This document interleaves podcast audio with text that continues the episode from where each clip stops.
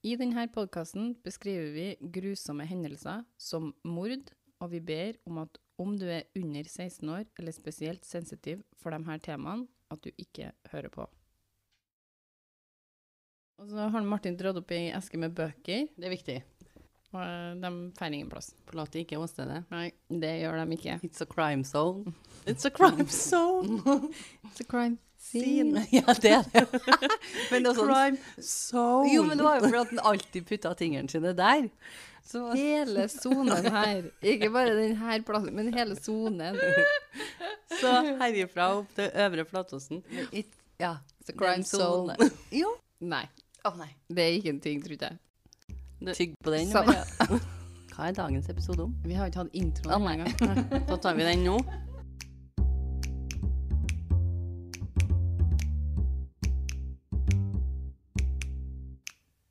Hei, hei, alle sammen.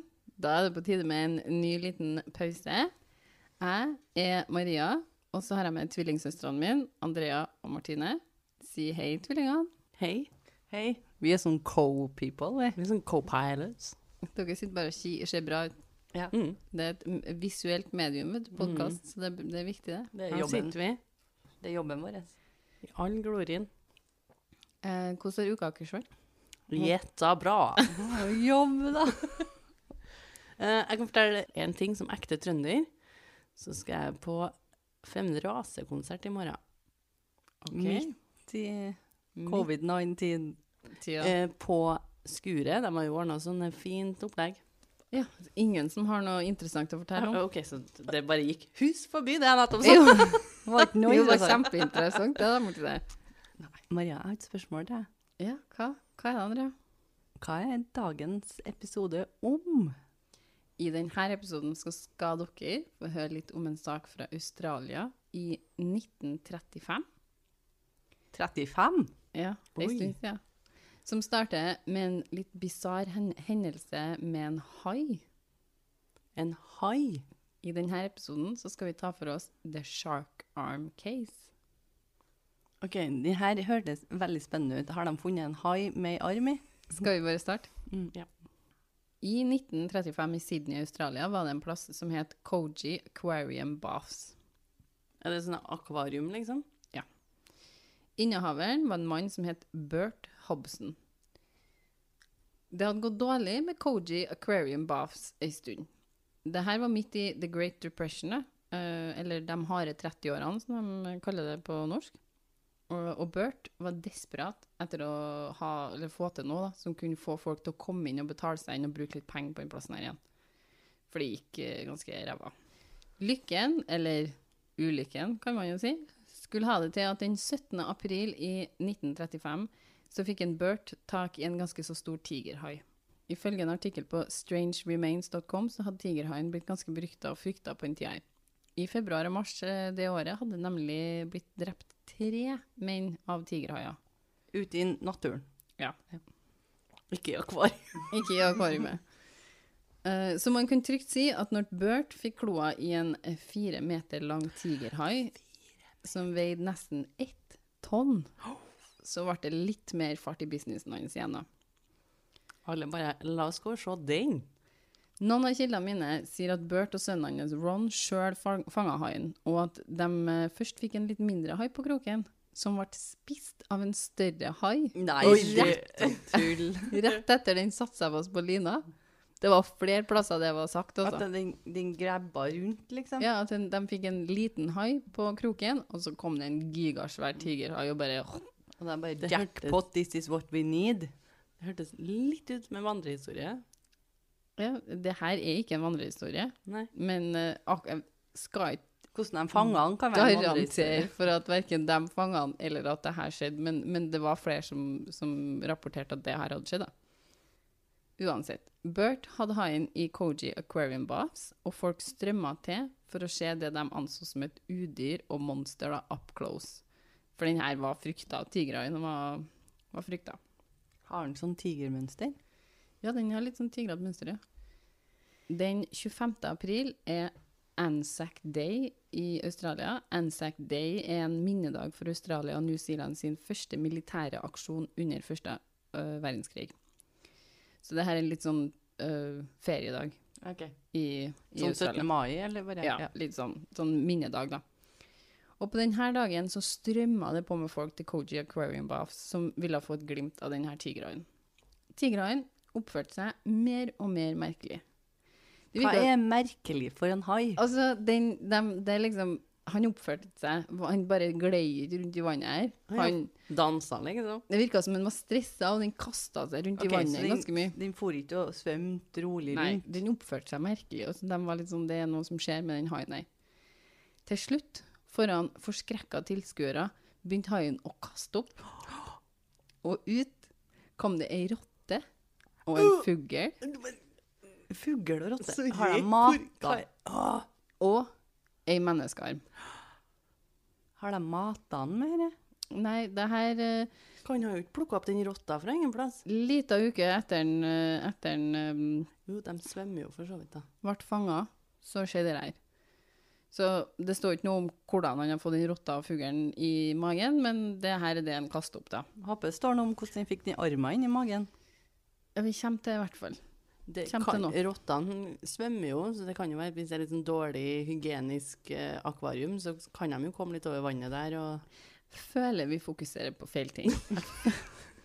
Jeg tenkte mer på hvordan vi får tak i den kråka, om haien der hoppa opp. Kråke. Den fuglen ble plutselig kråke. Ok, vi vet ikke måte, da. Har han hoppa opp fra vannet og bare ta ja. Det må jo være det, det kan jo ikke være en spurv, han har jo ikke sprunget rundt i skogen. Nei, m- mulig Altså, det var i menneskearm her, kan ikke vi være mer Kan opptatt av det? kan være at, at uh, haier spiser måser. Det kan godt være, Andrea. Absolutt. Men virka ikke som det var så god for fordøyelsen, da. Hvor fælt er det ikke å fære på en sånn der outing, og så se ei arm komme opp fra magen til en hai, da? Eh, Bare det å se en hai spy, tenker jeg ikke er noe spesielt sånn Å, la oss eh, komme oss ned og se på haien, og så bare Bert tilkalte politiet etter episoden, og politiet da, de trodde jo først at det kanskje det bare var en spøk, liksom, i hva, Har noen liksom kasta ei fake arm i bassenget, eller Men det var ingen som syntes dette var spesielt artig, da, av dem som sto og kikka på. Politiet fiska opp armen, og når de inspiserte den, så fant de ei tatovering på armen. Det var ei tatovering av to boksere, altså to fyrer som boksa mot hverandre. Armen hadde òg ei tau som var knytta rundt håndleddet. Rettsmedisineren kunne fortelle at det ikke var haien som hadde bitt armen av et menneske, for armen var så rent kutta av at rettsmedisineren konkluderte med at det var kutta av med en kniv. Politiet hadde ingen anelse om hvordan denne armen hadde havna i magen på en hai, og heller ingen aning om hvem den kunne tilhøre. Fiska. Han har fiska haien med ei arm. Ok, teoriene bare ryr på her. Jo, jeg òg tenker at han har prøvd å kvitte seg med noe. Ja, det var litt ekkelt, kjente jeg. Ifølge BuzzFeed sin YouTube-kanal eh, så blir de å ta livet av haien noen dager senere for å sjekke om det er noe mer levninger å finne. Men de hadde jo konkludert med at den haien hadde jo ikke gjort noe galt. Men det fins ingenting mer. Australian Navy og Air Force gjør et søk for å se om de kunne finne resten av kroppen på liksom, i nærområdet, men de fant aldri mer enn den armen her. Sharkattackinfo.net hadde en artikkel om saken, og der skriver de at det var en Edvid Smith som løste mysteriet om hvem armen tilhørte. Edvin hadde sett en eh, artikkel i Sydney News og tok kontakt med politiet for å si at den tatoveringa var akkurat likedan som broren hans hadde på armen sin. Oi, hvor ekkelt. Broren hans het James, eller Jim, som de kalte han. ja. Og Jim hadde vært savna i ei uke. OK, ja, det passer jo bra. Oi, ei uke. Nå skjønner nå skjønner jeg ingenting. Ha, ha, hvor lenge var det siden den haien hadde bodd i akvariet? hennes jobba. akvariet. det. De hadde hatt den i ti dager, ei uke. uke. Cirka ei uke. Ok, du fikk ikke vite noe eksakt. Ikke lenge etter kunne de bekrefte med en ny sånn fingeravtrykkteknikk de hadde, at uh, fingeravtrykkene de tok av armene, matcha fingeravtrykk de hadde fra før av uh, Jim Smith. Jim var en 45 år gammel mann født i England som hadde tidligere i livet vært en håpefull eh, bokser, en lettvektbokser. Han hadde kone og barn, og han hadde en biljardsalong. Eller ja, kanskje mer en bar, men det het Billiard Saloon, så jeg vet ikke. Han ja. jobba også på en plass kalt Tatters All Club. Han fikk etter hvert en del kontakter i The Underworld of Sydney, som er litt sånn her den kriminelle delen av, av av Sydney, da, eller om det er litt sånn nettverk av kriminelle og dem som er litt på den uh, ulovlige sida av uh, loven.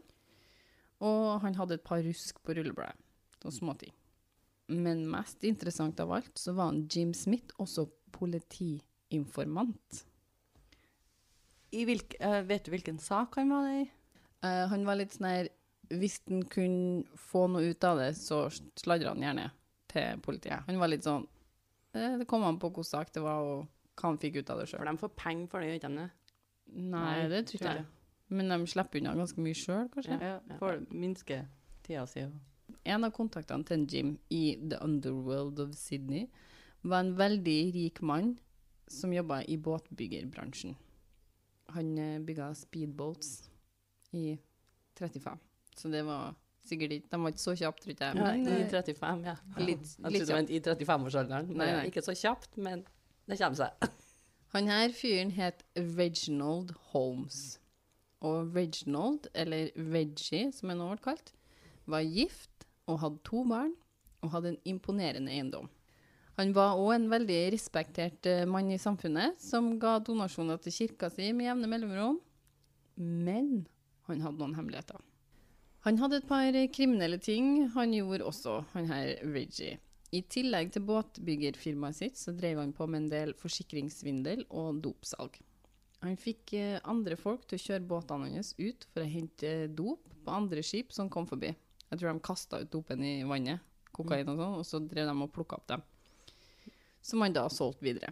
Han drev også på å overforsikre eiendommer, som han da ødela etterpå, for så å kreve forsikringspengene for dem. Jim var en del av de her kriminelle eskapadene. Blant annet hadde en, eh, Reggie en båt som het Pathfinder, som en Jim hadde ansvar for. Kult navn, da. Mm. Den kommer vi tilbake til etterpå. Mhm. Så vi får høre Hvem- mer om uh, The Pathfinder. The Pathfinder, ja. Det het båten. Ja. Ja. Andrea bare Let me som up here. Uff, nå detter jeg bort innimellom. Ja, Nå må du fokusere, Ja, for nå kommer det noen. Nå sitter jeg og kikker på deg bare, men bare nå Nå kommer kommer det flere. Nå kommer det flere. Okay. Oh. Men det var også en fyr som het Patrick Brady. Vice.com sin artikkel om den saken her, så skriver de at han Pat, eh, Patrick var en gammel venn av en Jim. Patrick var en 42 år gammel eh, mann på det tidspunktet her, og hadde vokst opp i en ærlig og hardtarbeidende familie.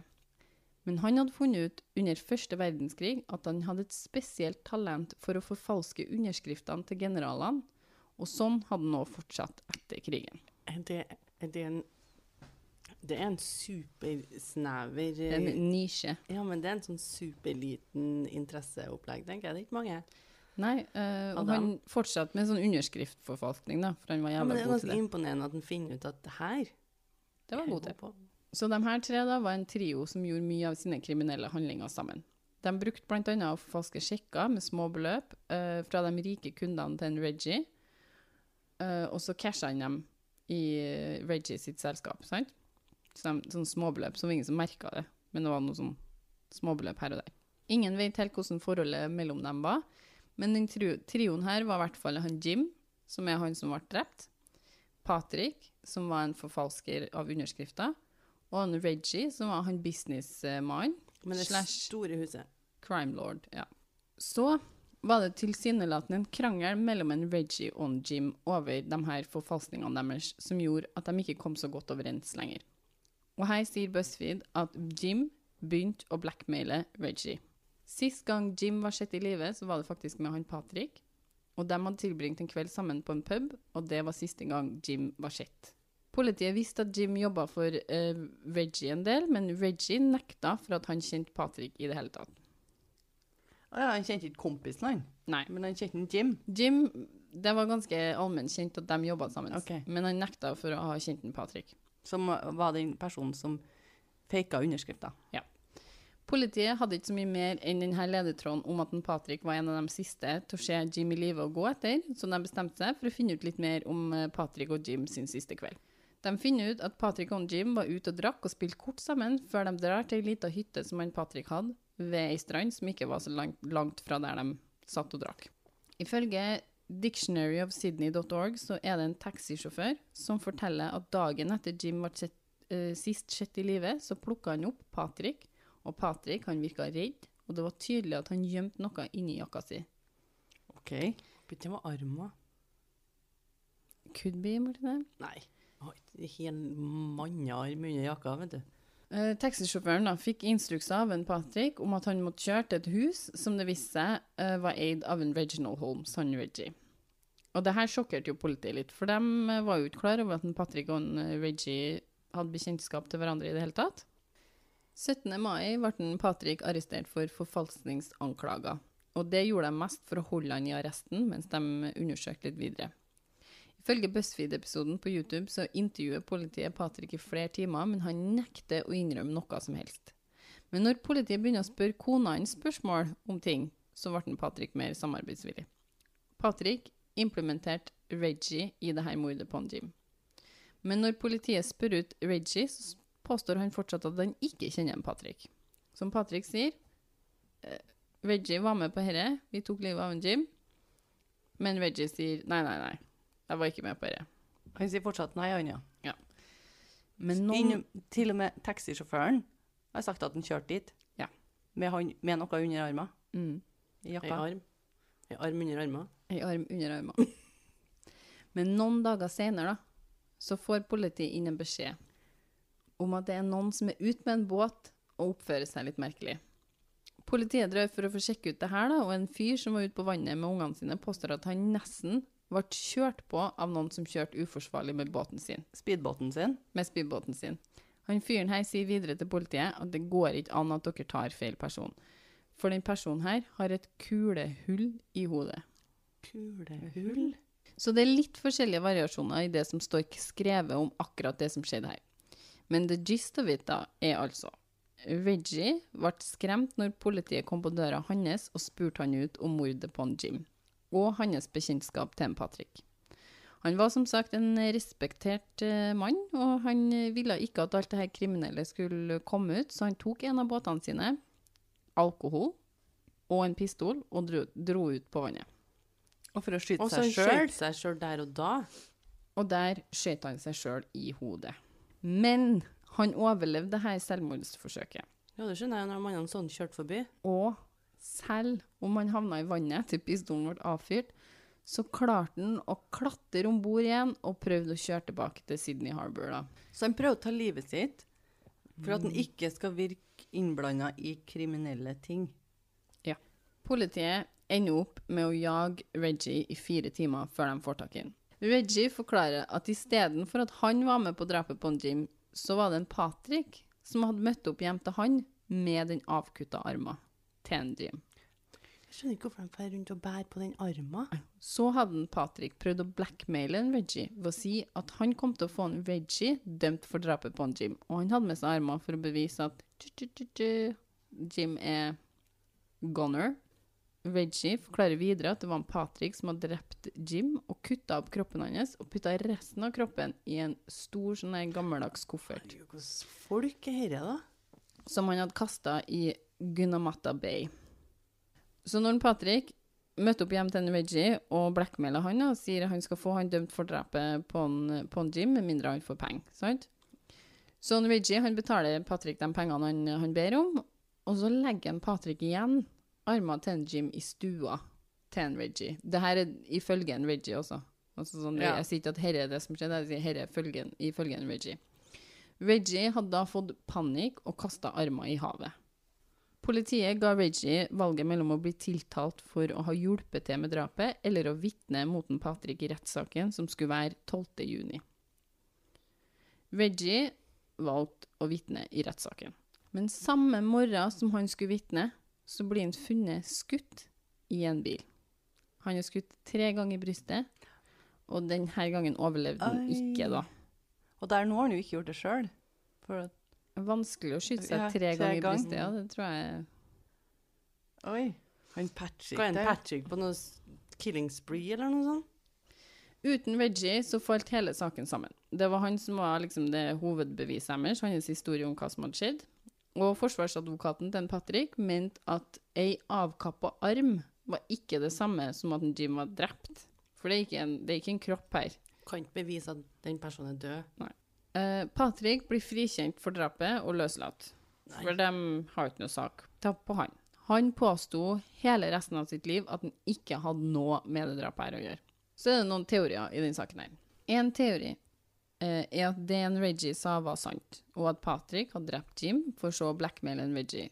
Det støttes jo opp av det faktum at en eh, Reggie ble drept før han vitna mot en Patrick. Ja. Mm. Så det er jo en Mm. ganske plausible teori. Han hadde jo mye penger, så det Ja. var jo sikkert en del å blackmaile dem for. Og hvis de her var litt sånn småkjeltringer og ikke hadde så mye penger En annen teori er at en Jim ikke ble drept i det hele tatt. Fordi kroppen hans ble jo aldri funnet, så ingen kan jo si hvordan han døde. Det er ingen som kan si liksom at han ble drept eller noen verdens ting.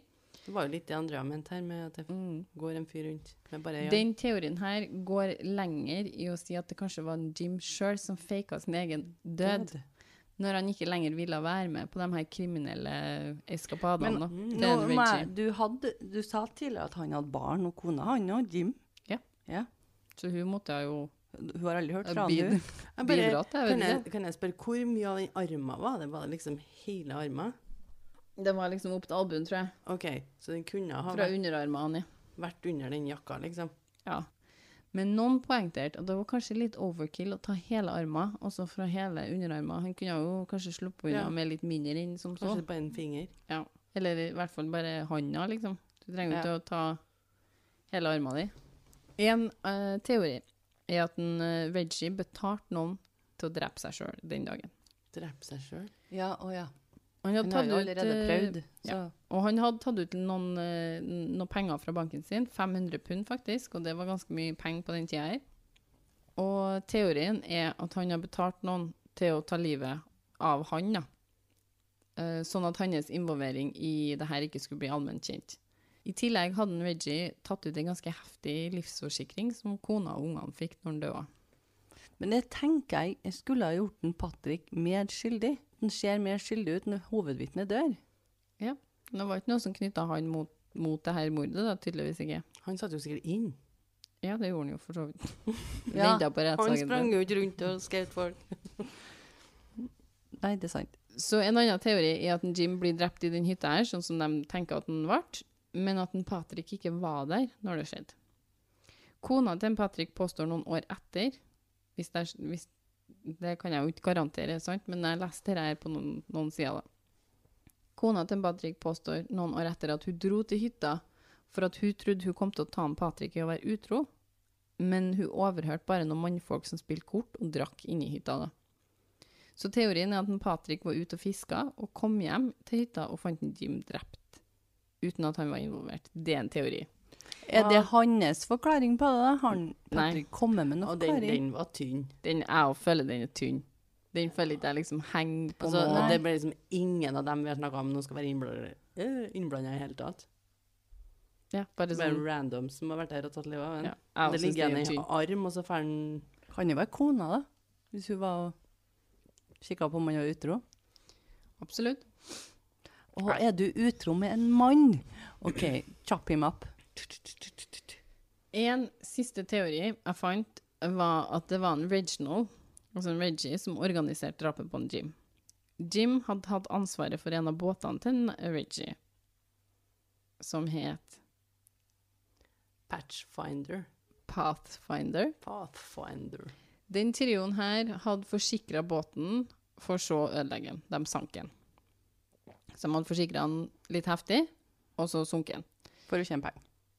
Men Jim, som var på dette tidspunktet blitt politiet sin informant, hadde sagt at båten var ødelagt litt under litt sånn shady forhold til politiet, så Reggie fikk aldri forsikringspengene for denne båten. Jim hadde jo blackmaila Reggie over noen forfalskninger av noen sjekker, og derfor er det en teori at en Reggie fant ut at han måtte få rydda Jim av veien ved å få noen til å ta livet av en, og den personen var en Patrick. Så de mener egentlig at det er en Reggie som har betalt en Patrick for å kvitte seg med den. Det var jo egentlig det han Patrick sjøl sier òg. Ja, han, ja.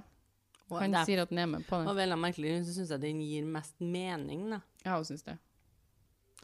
Videre så ville han Patrick, altså videre i denne teorien, da, så ville han Patrick tatt med seg armene til en eh, Reggie for å bevise at drapet var utført, og at en Reggie hadde deretter kvitta med seg med armene ved å kaste inn i havet. da. Og derfor fikk han pengene. og en high speed plutselig opp i arm. Jo, men han fikk jo penger Jo. ovenå. Det innrømte jo en Reggie. Ja.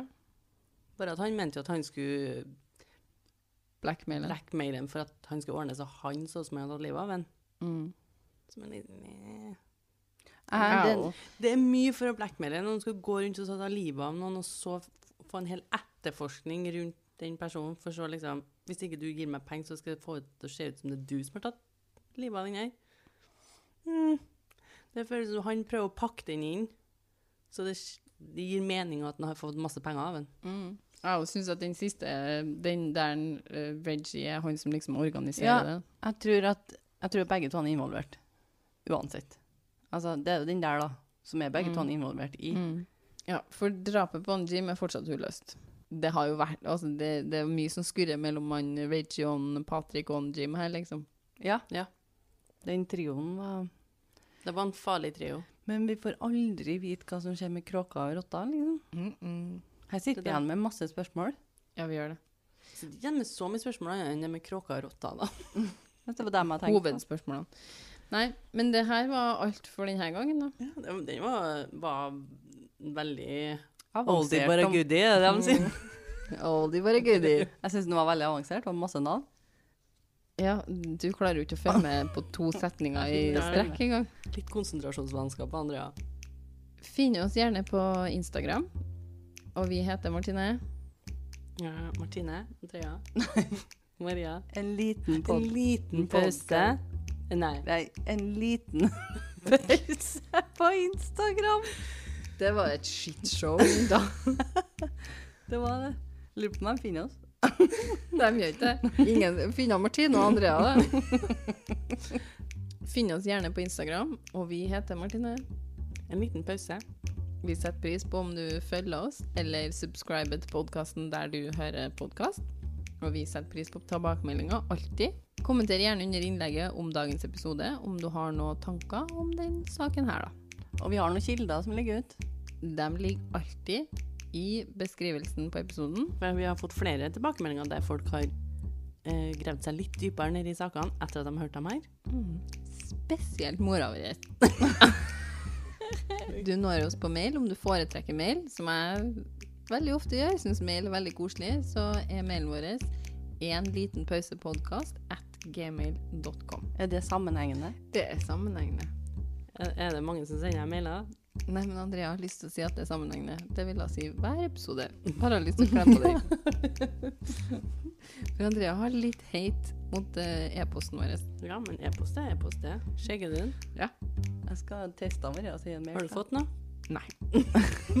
Nada. Kan noen være så snill sende Maria en mail? Ja, kan noen være så snill? Det hadde vært kjempekult. Vi er på- Vi er på episode seks, og Maria har fortsatt ikke fått en mail. På en liten pause podcast at gmail.com. Send Maria en mail. Vær den første. Vær den første. Hvis du er den første, så skal jeg name-droppe deg i neste episode. Ja. Ja. OK. Ha det. Ha det. Hey, Take care. Take care, my friend. Gotta Hold. take it too far. You always gotta take it too far. Vent, Maria, jeg må si noe. Ser dere på onsdag?